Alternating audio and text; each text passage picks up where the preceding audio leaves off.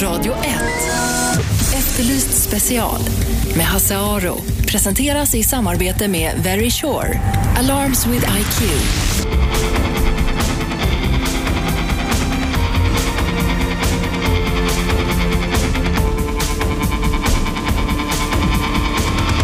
Välkomna hit Efterlyst special, Radio 101,9, Sveriges bästa pratradio. Hasse Aro heter jag. Jag sitter här tillsammans med min gäst idag, Stefan Wahlberg. Välkommen hit Stefan. Tack.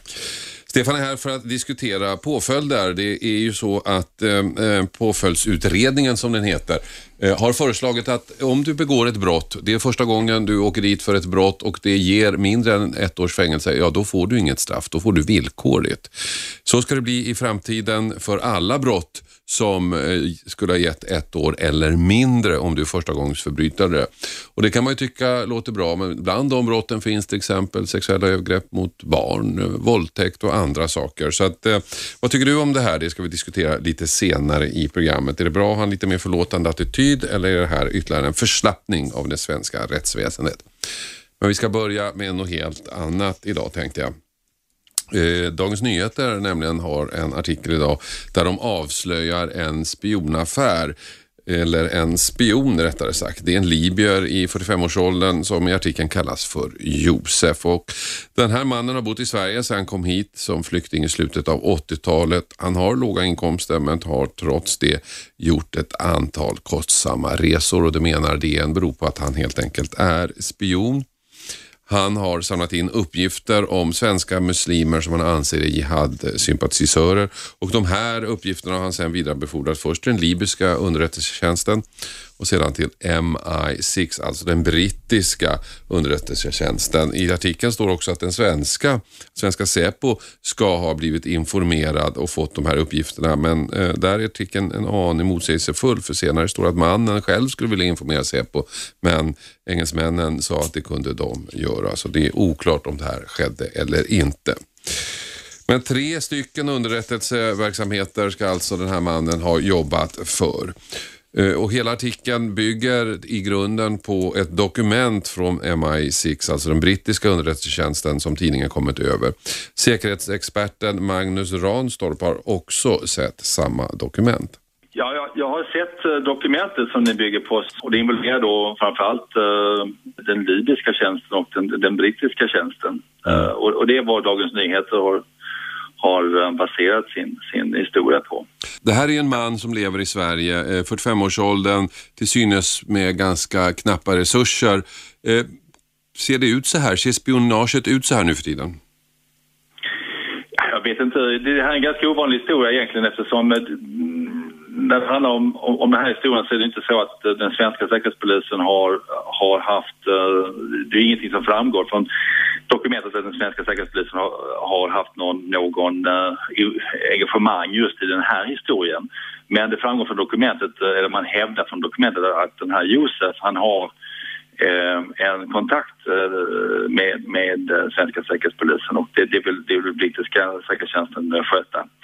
Eh, ser det ut så här idag? Eh, ja, det, det, det, jag tror det är ganska brokig blandning av olika kontakter mellan säkerhetstjänsterna. Säpo säger ju själva idag att det är 15 länder som bedriver olovlig underrättelseverksamhet i, i Sverige. Och eh, det är ju, framförallt så är ju, det är ju egentligen i två kategorier kan man säga.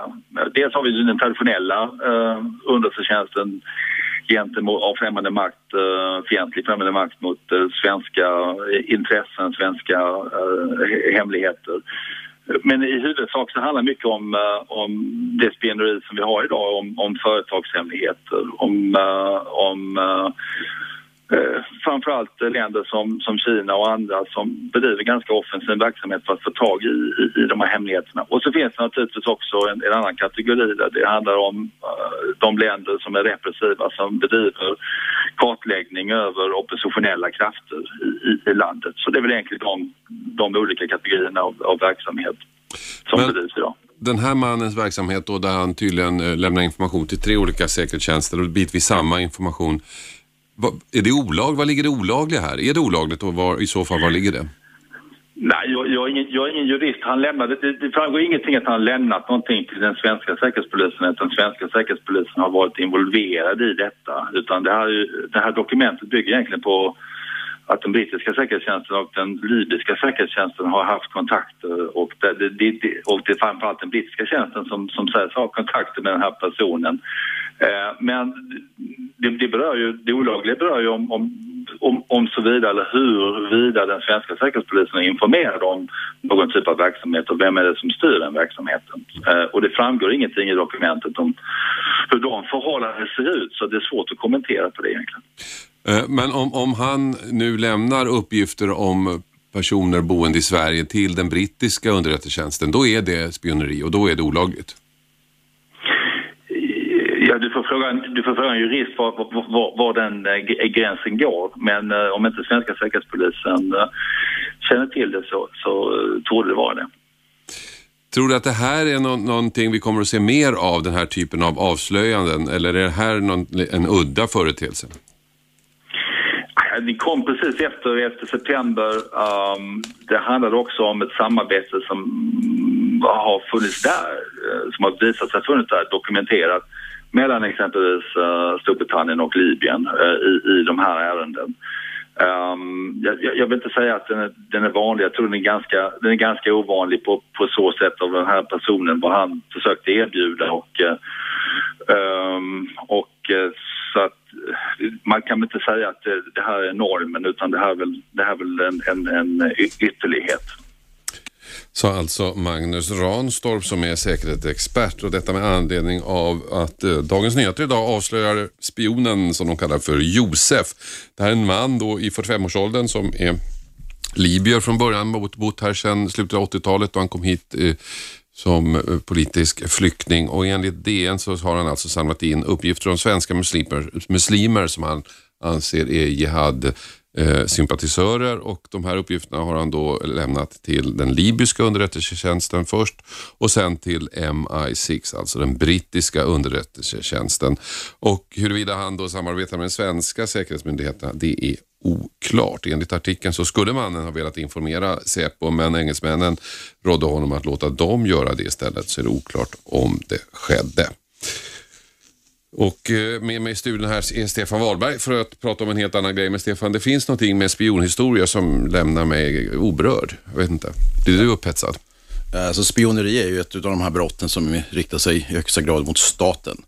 Och eh, vän av ordning och sådär må ju bli upprörd över det, men kanske är det allvarligare med brott som riktar sig mot medmänniskor av kött och blod och jag tror att det ligger ganska, alltså det här må framstå som lite spännande och agentvärldsmässigt och sådär, men alla länder håller ju på med det trots allt. Men det, alltså, folk i allmänhet menar ju att spioneri, eller folk i allmänhet, det vet jag inte, men det finns de som hävdar att spioneri är förräderi och är per definition det värsta man kan göra.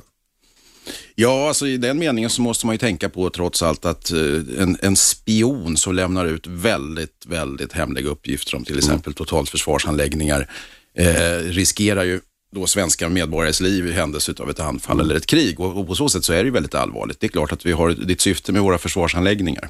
Men idag, med tanke på världsläget och det minimala hot som finns emot Sverige just idag, så känns ju frågan men samtidigt, är, ja, nu är vi en liten aktör på den internationella marknaden, men om man tittar på de två stora då, under eh, spioneriets guldålder på 60-talet, kalla kriget. Så det är klart att då var det ju så, men den som var förrädare i ett land var ju hjälte i det andra och det är väl det som gör att det är lite oklart. Jag menar, man var oerhört upprörda över spioner i USA, man avrättade makarna Rosenberg till exempel. Eh, men själv hade man ju spioner i Sovjet. De var ju då, fick ju asyl om de lyckades fly och blev hjältar. Det här är också orsaken, alltså att man enligt internationell rätt inte har eh, möjlighet att efterlysa spioner. Alltså det, det, vi, har livs, alltså. vi har livstidsfängelse, men märk väl till exempel Stig Bergling var aldrig internationellt Ja, du menar efterlysa dem internationellt? Nej. Nej. vi kan inte efterlysa spioner internationellt för det anses då vara ett så kallat politiskt brott i, i internationell rätt och det, det kan man alltså inte lämna ut människor för till, till, till, Sverige, utan då, då pratar vi vanliga traditionella mm. brott av typen mord och sådär. Det verkar som den här traditionella lättbegripliga spionaget har försvunnit. Och nu verkar det här som DN skriver om idag verkar vara mer typiskt får man en känsla av att, någon, att det handlar om terrorspionage eh, eh, på något sätt. Vilket säkert är väldigt, eh, i stora delar väldigt mycket allvarligare för enskilda personer. För att ha kommit från ett land där man är förföljd, torterad och åsiktsterroriserad och landa i ett land som Sverige då och upptäcka att landsmän här kanske förföljer en och kartlägger en i syfte att lämna de uppgifterna till regimen där hemma som då kan göra kanske ens anhöriga illa eller på andra sätt uh, göra ens liv surt. Mm. Det, det, är egentligen väl så allvarligt som då de här vanliga klassiska spioneribrotten som riktar sig mot staten och mm. försvarsmakten. Ja, det är det om man då jobbar för diktaturen, men det kan ju vara tvärtom att man, man spionerar på landsmän för att de i sin tur utgör ett hot mot kanske Sverige eller andra västländer. Ja, så kan det ju vara. Och jag menar, det här kan ju vara i gränslandet många gånger att rebeller i, i Egypten eller Libyen eller eh, Syrien, vad vi nu pratar om, vi kanske kan sympatisera med dem som vill störta sin regim. Men det är väldigt eh, sådär i gränslandet vilka metoder de använder och huruvida vi ska godkänna de metoderna så att säga sanktioneras eller planeras till och med från Sverige och eh, det här ger ju väldigt konstiga effekter. Alltså man landar i ett märkligt gränsland mellan politik och juridik. Det är det man gör, det är därför kanske svårt att, att bli upprörd över det hela.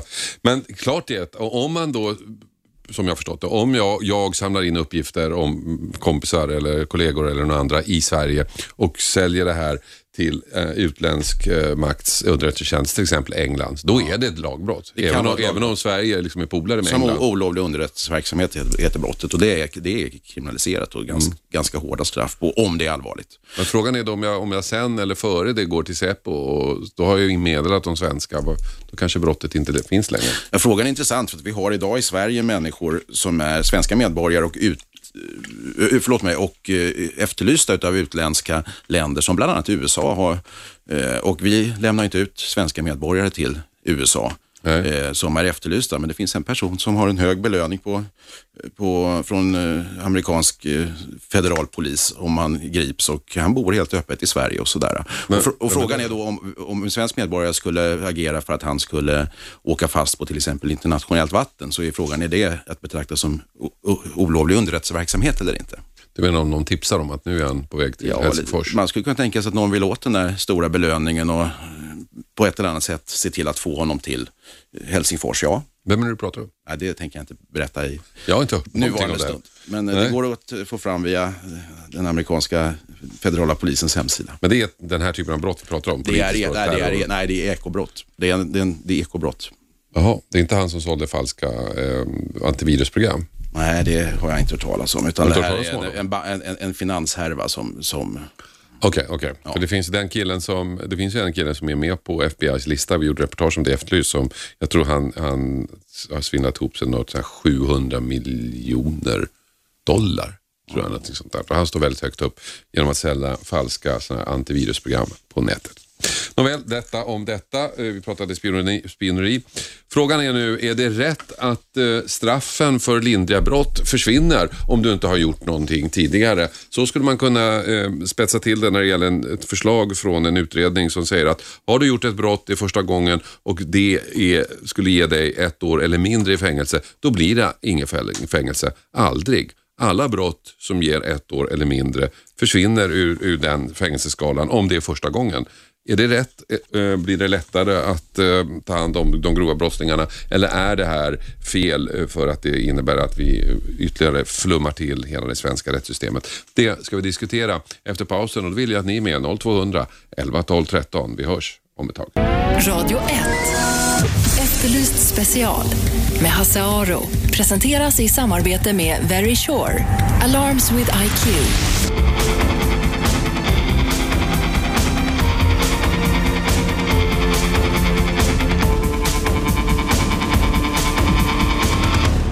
Välkomna tillbaka hit till Efterlyst special. Hasse Aro heter jag som sagt. Eh, och vi ska prata om påföljder. Fängelse helt enkelt. Eh, med mig har jag Stefan Wahlberg. Juridisk expert brukar han eh, och jag presentera honom som. Och eh, anledningen är att eh, regeringen nu har fått ett förslag hur man ska då förändra påföljdssystemet i Sverige. Och, för att uttrycka sig kort och drastiskt, om du begår ett övergrepp mot ett barn och det är första gången du har gjort det, så slipper du fängelse med det här nya systemet. Därför att alla brott som är upp till ett års fängelse försvinner då själva fängelset utan du får villkorligt fängelse som det kommer att heta om du inte har gjort någonting förut. Och det spelar ingen roll vad det handlar om. Skulle det ha gett ett år eller mindre så slipper du fängelse. Stefan, eh, är det här bra? Ja, alltså i grund och botten så är den här påföljdsutredningen ett ganska bra eh, principdokument för hur vi, så här, vilken riktning vi åtminstone borde gå i. Jag är skeptisk till att det handlar om ett år, som, som upp till ett år för första gångs förbrytare. För det är ganska, i Sverige, allvarliga brott som man får upp till ett års fängelse för. Och det är precis som du själv sa, det omfattar en rad, egentligen alla sexualbrott utom våldtäktsbrotten. Va? Men äm, även den eh, kategori av våldtäkter som fortfarande kategoriseras och rubriceras som våldtäkt, men som anses då av olika skäl vara något mindre allvarliga. Det kan alltså få ner till två veckors fängelse för. Dessutom så har du ett antal sådana här vanliga, alltså grov stöld, det är sex månaders fängelse på det som minimistraff. Misshandel, en vanlig misshandel, ett slag på käften ute på krogen från en förstagångsförbrytare brukar kunna generera sådär ett, en månad på kåken. Va? Och då kan man tänka hur allvarligt våld som har använts om du döms upp till ett års fängelse. Då är alltså tanken att de här äh, inte ska få krypa in om de är förstagångsförbrytare. Va? Så att, och dessutom finns det en annan aspekt på det, att man är ganska överens inom kriminologin och, och inte minst inom kriminalvårdens egen forskningsenhet om att de som döms upp till sex månaders fängelse, de, de är omöjliga att försöka vårda, att göra någonting vettigt utav vårdtiden för. Och därför så tycker jag det vore lämpligt att säga att, sätta gränsen vid sex månader istället för ett år. Men i övrigt så tycker jag att eh, i en god etisk anda så kan man säga att eh, ein Mal ist kein Mal, som man säger på tyska, en gång är ingen gång. Va? Och eh, om man skärper sig efter det så kanske man eh, då eh, ska eh, kunna komma undan med eh, en icke frihetsberövande, ett icke frihetsberövande straff. Ja. Mm. Men nu har man sagt att alla brott som eh, skulle ha gett ett års fängelse, alla de brott eh, slipper man fängelse för i framtiden om det är första gången man gör det. Däremot om det är andra gången, då kan du till och med få, få för det nya och sitta av det gamla också. Så då kan det bli lite tuffare andra gången. Ja, just det. Alltså, Fredrik Wersäll, som den här utredaren heter, som har gedigen bakgrund, får man säga. Han är gammal riksåklagare och numera chef för Svea hovrätt. Han som har kommit med de här förslagen. Fredrik Wersäll eh, har ju då mycket tydligt i utredningen tagit ställning mot de som då missbrukar det här villkorliga förtroendet. Va? Och återfaller du då så kan du få, till att börja med får du krypa in omedelbums på kåken. Och sen kan du dessutom få då stra, ytterligare straffsanktioner i, i form av ja, det böter, samhällstjänst och sådär om du trots allt eh, ännu en gång får, får, får, får samhällets förtroende att uh, möjligtvis vara ute och sådär. Det, är inte, det här är inte hugget i sten egentligen utan du kan även vid återfall få kvarbli i frihet men då skärps de här övriga sanktionerna. Mm. mm. Alltså sex mot bra, eh, sexuella övergrepp mot barn, eh, lindrigare våldtäkter om vi får använda det uttrycket, eh, misshandel, rån, stölder antar jag, bilstölder, moppestölder, vardagsbrott. Ja, ja, ja. Grov, grov stöld är sex månader som minimistraff. Rån är minimistraffet ett år faktiskt. Så alla brott där man då skulle ha fått ett år eller mindre i straff, de, de, eh, där får man nu gå fri. Där slipper man fängelse om det är första gången man åker dit. Vad tycker du om det som lyssnar? Är det ett bra system? Är det en urholkning? Är det ett slappare system? Är det ett bättre system? 0200 11 12 13. Vad tycker du är rimliga straff för den här typen av brott? Ska man slippa fängelse bara för att man aldrig har begått ett brott förut, till exempel när det gäller sexuella övergrepp mot barn? Stefan, i Amerika så har man ett system eh, som heter three strikes and then you're out. Berätta. Alltså grundprincipen är, finns ju bland annat i Kalifornien då, att man tröttnar på återfallsförbrytarna och menade just det, att det ska vara en stegrande skala och eh, nu har det här systemet något demoniserats, inte minst i svensk press och sådär. Men grundregeln är att alltså, begår ett brott för tredje gången så, så kan du alltså dömas till livstidsfängelse. Nu funkar det inte så när det gäller mindre brott, för det finns som i alla lagtexter en miljon olika undantag och förmildrande omständigheter och så, men det är grundtanken. Alltså att, Men principen är att brottet i sig skulle inte ha gett livstidsfängelse, men bara för att det är tredje gången du gör något så är du körd. Ja, just du har fått dina chanser, sorry, you're out. Och vi har ju i Sverige, alltså, i- har vi redan nu en lagstiftning som innebär att det finns möjlighet att ta hänsyn till återfall i brott. Men den utnyttjas ju för guds skull inte utav tingsrätten eller, hovrätten heller för den delen i, i någon vidare omfattning. Är det bra med det nya systemet? Du slipper fängelse upp till ett år om det är första gången du begår ett brott. Hallå, vem där? Ja, tjena Krille heter jag. Hej Krille. Tjena, jag kan bara tänka radion. Ja. Eh, för mig luktar det som att man inte har plats inom kriminalvården. Det är därför man försöker göra de här eh, rabatterna så att säga. Va? Eh, och det är en aspekt på det hela och det andra är att som jag sa, en grov våld eller en, en, misshandel. Alltså det kan ju sätta spår i livet hos, hos, den, hos målsägaren medan den som har gjort det går fri. Va?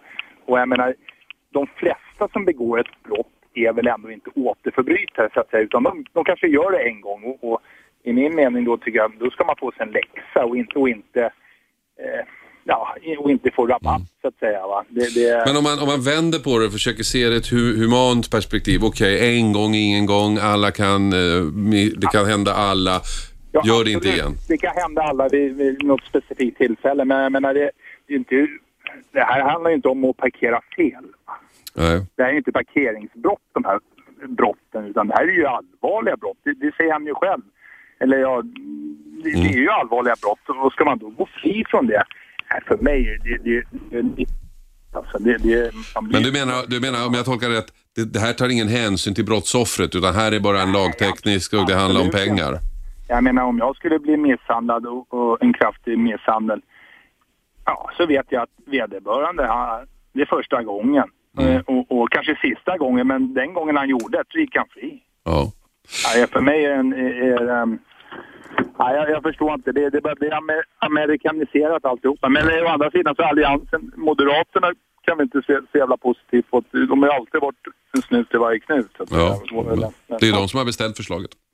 Faktiskt. Ja, men jag, det var som jag sa, jag, jag tror för att det, det, kostar för mycket pengar att ha folk inlåst. Det är det det handlar om. Det ligger nog en del i det. Tack ska du ha för att du ringde. Ja, bra. Eh, 0200 11 12 13 0200 11 12 13. Är det nya förslaget eh, bra om, eh, sä- om att man slipper fängelse om det är första gången man gör någonting eh, som skulle annars ha gett ett år eller mindre? Stefan? Alltså det, Krille har ju en poäng här. Alltså det är helt uppenbart att det är väldigt pragmatisk syn som ligger bakom det här. Vi har helt enkelt inte råd med att bygga ut fängelserna mer och då menar man att de som är minst angelägna om att hålla på kåken, det är trots allt Men man ska ta, om vi tar det amerikanska systemet som vi pratar om, three strikes and you're out, har ju lett till att fängelserna är ju proppfulla.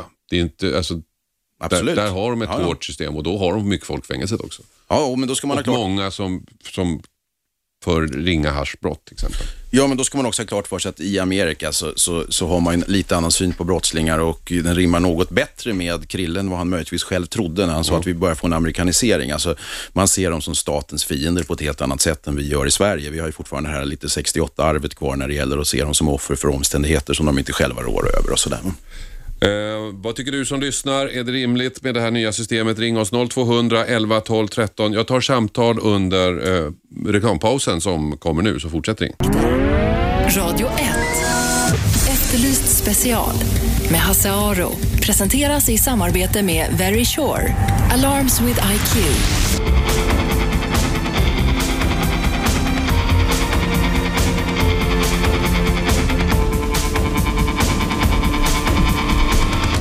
Välkomna tillbaka till Efterlyst special. Vi pratar om påföljder när du har gjort ett brott med anledning av en utredning som föreslår att fängelse, eh, fängelsedomar eller fängelse för brott som skulle ha gett ett, ett år eller mindre helt enkelt försvinner. Alltså fängelsestraffet försvinner för sådana brott som ger ett år eller mindre om det är första gången som du gör någonting. Det här diskuterar vi. Det är många som ringer in, bland annat eh, Jimmy finns med. Hallå Jimmy, Hallå, hallå. vad tycker du? Jo, Jag hade tre små grejer. Det ena var han förra ringaren där. Jag tror inte det riktigt stämmer att det är största delen är förstagångsförbrytare. Jag tror att det är precis tvärtom. Jag tror att det är Ja, det tror jag i. mängdförbrytare som, som gör de här, alltså man säger ringa brotten som grova rån och sådär. Så att jag, jag, tror inte att det, jag tror att det gäller en ganska liten del av alla förbrytare, så att säga. Eller av alla brott. Du har helt rätt i det Jimmy, ja. Ja, eh, sen det andra var... ehm, alltså man, man hakar upp sig lätt på det här med, med sexuellt utnyttjande av barn. Mm. Eh, och blir lite snedvriden diskussion tycker jag. Varför är det ett år för det? Ja. Det är där kanske diskussionen Det är kanske det man ska prata om istället. Men, ja. Ja, ja för att alltså någonstans om, om mitt barn blir, blir eh, antastat så, ja det är klart att det skulle vara en stor eh, skam att han får gå fri. Men jag vet inte om det är en mycket mindre skam att han får åtta månader. Jag är inte så säker på att det är en större tröst så att säga. Nej. Men är det inte, men där tyckte jag Christer ändå hade en poäng för att det, i det här förslaget då så, det finns ju liksom ingen, eh, man pratar inte alls om brottsoffer, det finns ju liksom ingen, den aspekten lämnar man helt åt sidan. Ja, ja och det är ju väldigt, väldigt underligt. Alltså, det, det håller jag absolut med om. Sen, sen tycker jag att det här three strikes you're out-grejen i USA. Eh, grundtanken låter ju väldigt bra, men det som de har fått problem med där, det är ju precis tvärtom. Att de förbrytare som har gjort två brott, eh, när de rånar sin tredje eh, affär och så kommer polisen och det blir jakt, då har ju de ingenting på förlorat. Alltså, De vet att de ska sitta inne resten av livet, så då skjuter de sig ur och hoppas på att de klarar sig. Det är- finns ju rätt många brott där det har blivit så att säga, mycket, mycket grövre våld. Eh, för att de vet att de, ja, det är kört om de åker dit så att säga. Ehm, så att det, det är inte... Och där är ju liksom, det är just det här med, det är väl en sak om du rånar någon, då har du redan tagit det, det grova initiativet. Men, men om det då är ett ringa narkotikabrott och så kommer polisen och knackar på, då, då, då vet att, för att jag sitter här med min, med min joint så kommer jag sitta inne 30 år, då, då kanske man tar till lite grövre våld mot polis och så vidare. Så det, det är inte helt genomtänkt. Men det är Jag läste, jag läste en bok om det där faktiskt och de, majoriteten av de som sitter i fängelserna i USA sitter just för narkotikabrott som inte är särskilt allvarliga. Ja, och det... Och alltså, hela våldstrappan går ju upp ganska ordentligt, men det är ju ett amerikanskt förslag också. Kan- Fast jag vill också flika in där, alltså 40 procent ungefär av de som sitter på svenska fängelser sitter för narkotikarelaterad brottslighet också. Så att, eh, Och det är inte billigare det. Det är absolut inte billigare, nej. Men är det inte så idag också? För det, det, det, har inte, det är väl rätt många sådana brott där man kan få fängelse, men man får, om man är första gångs... Man har väl med det här tänket redan Ja idag? Så är Ja, det har man. så får du fotboja eller du får... Du får, ja, och du får olika rabatter och sånt där. Vad, vad det här systemet ska göra, och vilket jag tycker är bra, att förenkla det här. Att liksom, är det första gången, det ger mindre än ett år, ja då får du villkor i fängelse. Det blir- liksom inget. Sen, sen tillkommer det, utöver det kanske böter eller någon sån här anmälningsplikt eller någonting sånt där. Men i övrigt är det enklare. Jag kan ju tycka att det är helt rätt förslaget eh, så fort det inte innefattar ett brottsoffer. Alltså det vill säga, det vill säga alltså stöld i och för sig ett brottsoffer, men typ eh, ringa narkotikabrott eller eh, li, liknande brott som, som eh, skattefusk eller vad fan som helst. Då- Alltså, då det är det som kallas för brott mot staten eller brott mot allmänna normalt. Ja, det, där kan jag tycka att då finns det liksom ingen som kan, som, ja, det, det, det finns en, ett skäl för det här då kan jag tycka. Däremot när det finns ett, ett brottsoffer så är det lite, man ska inte hålla på med USA som sagt, men, men där har de ju lite mer tanken, vad, vad tycker du som brottsoffer är rätt? Och det har vi inte alls i Sverige. Vi, Ja, det finns inte. Ju, nej, vi utgår ju inte alls från brottsoffret. Så det är ju, Det har blivit lite bättre, men det är långt kvar. Ja, jo, ja, det är, man, får- man får, ett, ett, man får en, eh, en, eh, ett skadestånd som man sen aldrig får för att personen i fråga inte har några pengar. Så eh, det är ju lite så fortfarande idag tyvärr. Men Jimmy, tack för att du ringde. Ja, tack själv. Vi ska höra vad Jenny... Jenny, Ja. är du kvar? Hallå, ja jag är kvar. Hej. Ja, bra. Jo, jag håller med det han sa eh, förra ringaren här också. Jimmy. Eh, verkligen, för en grej som jag ville säga var också det här med att eh, det här sexuellt utnyttjande av, av barn till exempel som man absolut går igång på är ju varför är det ett år? Det fattar man inte. Det borde ju vara liksom livstid tycker jag. Men det var en annan sak jag reagerade på som ni sa att, att liksom det kan hända vem som helst ett brott. Och jag håller inte med det alls utan jag tycker att det, det kan inte hända mig att jag utnyttjar ett barn eller att jag rånar en ja. affär utan det är någonting som alla måste ta ansvar för och det är, ett, det är någonting man väljer att göra. Man har alltid ett, val- ett val. Och tar vi bort det så att säga, ansvaret att, och vi börjar lära våra barn att eh, ja, det, vi gör det helst inte men om det händer så är det okej första gången. Det tycker jag är en katastrof Men- om det ska men- bli så. Ja, men lär vi inte också oss, våra barn också, att okej, man får begå ett misstag en gång? Eh, ja, misstag, men det finns misstag och misstag. Det finns Ja. liksom, eh, som sagt, en, man råkar parkera bilen fel och man får en p-bot. Eh, Det kan ju hända alla. Mm. Men det är ju inget Men- brott. Det, nej, nej, men jag menar, nej, jag tycker inte att man, att man kan begå, begå ett sånt misstag. Eller Nej. det är klart man kan göra det, men då borde man ta ansvar för det och, och sitta sitt straff. Det, Så, det så om, man tar, om man tar någon sån här rånare som begår sitt första rån och så säger man okej, du får villkorligt nu nio månader men gör inte om det. Jag kan tycka att det finns någon slags eh, positivt i det. Ja, jag tycker inte det. Jag tycker att det, det skickar ett budskap att, eh, att det är på något sätt okej och, och jag menar, jag tycker redan att svenska staten gör det så pass, att det är milda straff. Så att är för ett sånt första brott tror jag inte man skulle, det skulle inte svida så mycket ändå. Eh, Så jag, jag tycker det faktiskt är en katastrof att man börjar ha det tänket för att eh, det är en slippery slope. Eh, Man kanske, man kanske ska skilja på brotten, alltså de så kallade uppkomstbetingelserna bakom brottet, för att prata fina ord här. Alltså, det, det är ju faktiskt en stor skillnad på en människa som är ute på krogen och, och hamnar i en eh, aggressiv situation där det kanske i efterhand kan vara svårt att utreda ens hur det startade och som slår någon på käften i, i, i så att säga, hett blod kontra om man har suttit hemma och planerat i, i kallt blod att använda våld mot någon för att utpressa honom på pengar eller för att hämnas en tidigare oförrätt och sådär. Och det här tar man ju, stäm, det här tar man ju också eh, hänsyn till vid, alltså när man den så kallade straffmätningen i, i domstol normalt. Men eh, i en mer etisk mening så kanske man ska skilja på det här Men det, är ju det hastigt. man, men det är det man vill komma undan med det här förslaget. Man ska inte bara hålla på, utan är det, är det ett år så blir det inget fängelse om det är första gången. Man slipper den. Det är det som är lite grann att Ja, det just enklare. det. Ja, och där har ju, har ju då Jenny heter du. Där har ju du en poäng naturligtvis. Att vissa av de här brotten är eh, enligt min uppfattning också så att det sticker liksom i ögonen på allmänheten och på det allmänna rättsmedvetandet. Därför att brott som kan leda upp till då i princip ett års fängelse är, det är väldigt allvarliga brott. Och det är därför jag själv tycker att gränsen möjligtvis borde dragits vid sex månader. Då är det Ja, inte eller lika varför allvarligt. inte skilja, varför inte säga då, alltså vissa, vissa typer av brott med de här korta straffen kan liksom, man kan komma undan första gången. Istället för att, och, och vissa absolut inte, där spelar ingen roll utan att du kommer att straffas. Så att det, det, varför, varför lägga den mätningen på ett antal månader överhuvudtaget? Du menar att man skulle gått på brottstyper istället? Det är intressant. Brottstyp, Ja. ja. Det är intressant förslag. Alltså jag vet ju att när man jobbade med den här utredningen så var syftet att underlätta alltså förståelsen, inte minst för allmänheten. Vad, vad innebär det här? Det är ett enastående krångligt system som sådana här filurer som, som jag ibland har svårt att överskåda och överblicka. Och, och nu ville man göra det så enkelt som möjligt så alla kunde förstå och det är en viktig del inom juridiken, den här så kallade förutsebarheten, att folk ska faktiskt veta vad kan det här leda till.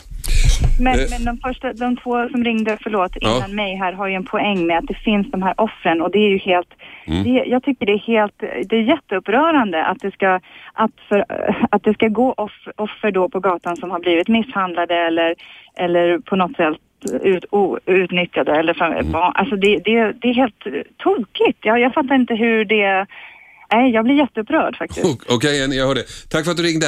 Tack så mycket. Tack så mycket. Jenny. Och nu har vi kvar en anonym tjej här också tror jag. Hallå?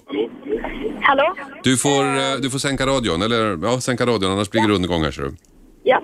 Eh, jag tänkte säga att jag tycker det är helt sjukt att vittnen och alltså alla som har varit med under sådana här hemska saker eh, ska liksom veta att personen som har gjort sakerna liksom, ska gå fri. De kan möta det på gatan, de kan göra om, de kan eh, använda våld igen.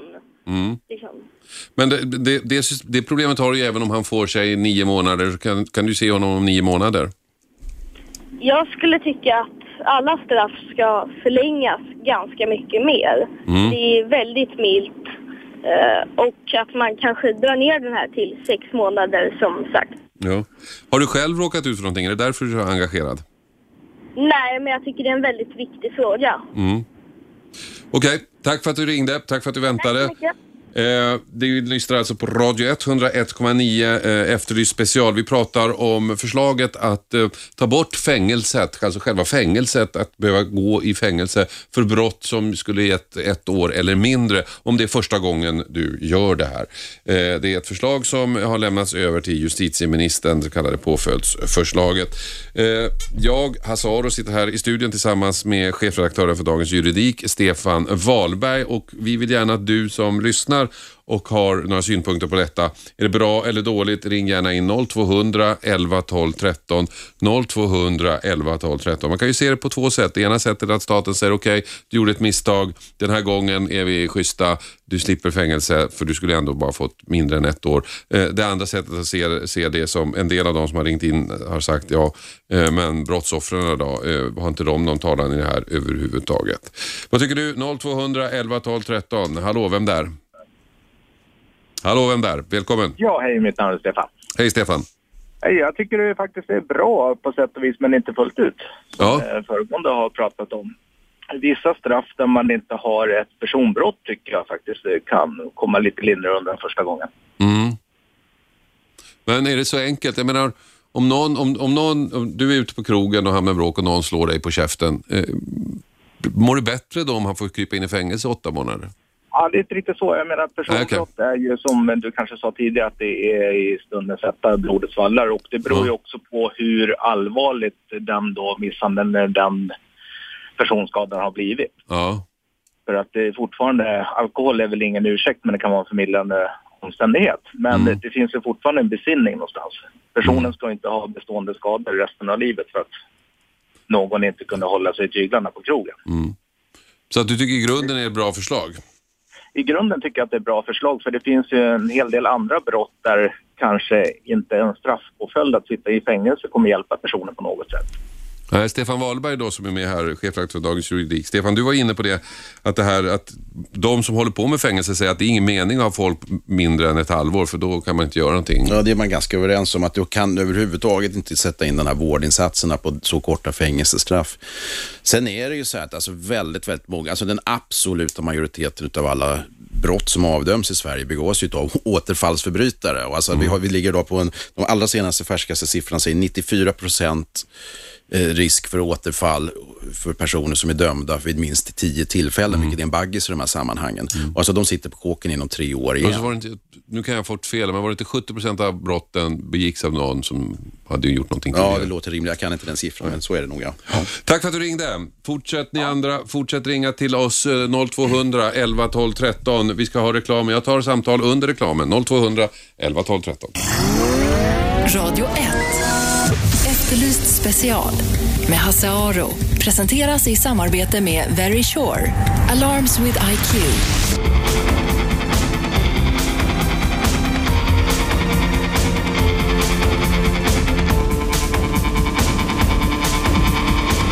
Välkomna tillbaka till Efterlyst special. Jag sitter här med Stefan Wahlberg som är chefredaktör för Dagens Juridik och vi diskuterar eh, ett förslag som en utredning har lagt, nämligen att om det är första gången du begår ett brott och straffvärdet är eh, upp till ett år så slipper du fängelse. Det spelar ingen roll vad du har gjort. Om du inte ska ha fått mer än ett år i fängelse så slipper du fängelse om det är första gången du begår det här brottet. Eh, vi har haft många lyssnare som ringer in och det är både, en del tycker det är bra och en del tycker att det är dåligt. Eh, vi ska börja med, eh, ni kan alltså ringa in 0200 11 12 13, 0200 11 12 13. Vem där? Elisabeth? Ja, jag tänkte prata lite grann om det här med ungdomsbrottsligheten Ja. och eh, det här med ett års eh, fängelse eller Ja, att de slipper då någon, mm. ja, någon typ av bestraffning. Men att eh, får de pricka på sig om de begår ett första brott. Och det måste väl registreras att eh, eh, kan leda till att om de begår sen flera brott alltså samlas på och sen så får de då rabatt. Så att har de gjort flera brott så, så tar man hänsyn till det i, ja, i slutdomen så att säga. Och det tycker jag är väldigt konstigt att man gör på det viset. Ja, så är det då. Men jag tror att det här förslaget det ska bli lite enklare. Säger att om du begår ett brott och så slipper du fängelse, sen begår du ett brott till, då får du fängelse för det nya brottet och får du sitta av det du slapp sitta för det gamla brottet. Så på det sättet är det lite tydligare. Mm. Men de här ungdomsgängen då som begår allvarliga brott och som där polisen liksom eh, ja, kommer till platsen och eh, släpper vederbörande. Mm. Eh, det borde finnas någon sorts jourdomstolar. Ja, det håller jag med om. Som, som di- direkt alltså Tycker jag också. plockar in dem. Polisen plockar in dem direkt och kör dem till den här jourdomstolen och så får de då där avgöra vad som ska hända. Det man kan säga om det här är alltså att eh, den här då, utredningen som vi pratar om och lagförslaget därifrån, den sätter faktiskt hårdare tryck på ungdomsbrottslingar mellan 18 och 20 som tidigare har haft något av gräddfil inom rättsväsendet. Men just Ja. 18 till 20-åringarna ska i större omfattning än tidigare då behandlas som vuxna och de är ju myndiga. Ja. och sådär. Men Jag håller med dig Elisabeth, jourdomstolar tror jag är bra. Jag tror att det handlar inte om vilket straff de får, det handlar om hur fort man reagerar. Jag tror att Ja. snor du din första bil och sen två timmar senare så står du inför en domstol och får skäll, då tror jag att det, bara det kan räcka att du slutar sno bilar. Sen spelar det ingen roll om du får en vecka, två veckor eller en månads straff på det. Det tror inte Nej, jag men- spelar stor roll. Utan, Men just att polisen släpper dem, Mm. de antecknar och så ska det utredas i flera år. Och polisarbetet då, vissa av de här polisarbetena kunde då civila göra att man anställer. Ja. Utredningar, vissa saker i alla fall, den administrativa delen. Så att polisen kan vara mer ute på plats. Okej, Och liksom tack Elisabeth. med. Vi ska släppa in Okej. fler här. Eh, Kristoffer, Hallå, hallå. hallå där. Vad tycker du? Ja, först och främst en, en teknisk fråga. Är det upp till ett år eller upp till och med ett Nej, år? det är mindre än ett år om man ska vara helt korrekt. Alltså, s- s- fängelsestraff som, som, alltså straffvärdet är mindre än ett år. Är det. Okej. Vad heter det? För det jag tänkte på, det kan ju också leda till att vad heter det, man får en bättre skiljelinje mellan hårda och, eh, eller vad heter det, allvarliga och mindre allvarliga brott. För att man då dömer de som är allvarliga till just mer än ett år eller ett år eller mer då. då. Så att, eh, att man får en förmildrande brott kanske inte kommer att stämma i framtiden utan då kommer de som faktiskt förtjänar ett brottsplats faktiskt få ett år istället för då nio månader eller någonting sånt. Det är väl lite så man diskuterar också, att det ska liksom vara lite tydligare. Faktiskt. Ja, i den här så att, utredningen. eh, så att det kanske blir egentligen en, en straffförordning istället för en straff. Ja, men det är lite så man eh, resonerar här. För de allvarliga brotten och framförallt om du gör om det så blir det lite tuffare. Ja, Ja. så att eh, jag tycker... Du tycker- förslaget du röstar för, kan man säga. I, i största allmänhet, för då när det gäller typ personbrott då, alltså Mm. kanske man då ger ett år istället då. Ja, precis. Så att, Du, tack för att du ringde. Vi har, vi har också med oss Magnus är med. Ja, hejsan, hej. Hej Magnus. Hej du. Vad tycker du? Nej, jag, jag tycker det här, för som jag tolkar det så är det här ju mest inriktat mot ungdomar så att säga. Ge en chans eh, efter man kanske tagit fel steg tidigt. Så. Mm. Tittar man nu hur det har funkat tidigare så undrar jag vad den här, varför man baserar på det här. För att ungdomar är väldigt tydliga med att fråga, ja, om jag kör den här moppen utan det här, vad kommer det ge för straff? Alltså de är väldigt tydliga. Plus att man har alltid sett en väldigt viktig i rättssamhället att man måste, ska man säga, att det ska vara snabbt emellan påkom till dom då. Att man ska få sin påföljd rätt fort då. Och eh, det stora har varit alltså allmänpreventionen. Genom att någon åker dit för någonting så hör alla på skolan eller i området fan, precis som i trafiken, han torskar för det här och det här. Och det, det blev 3000 kronor i böter, han fick gå till socialen efteråt.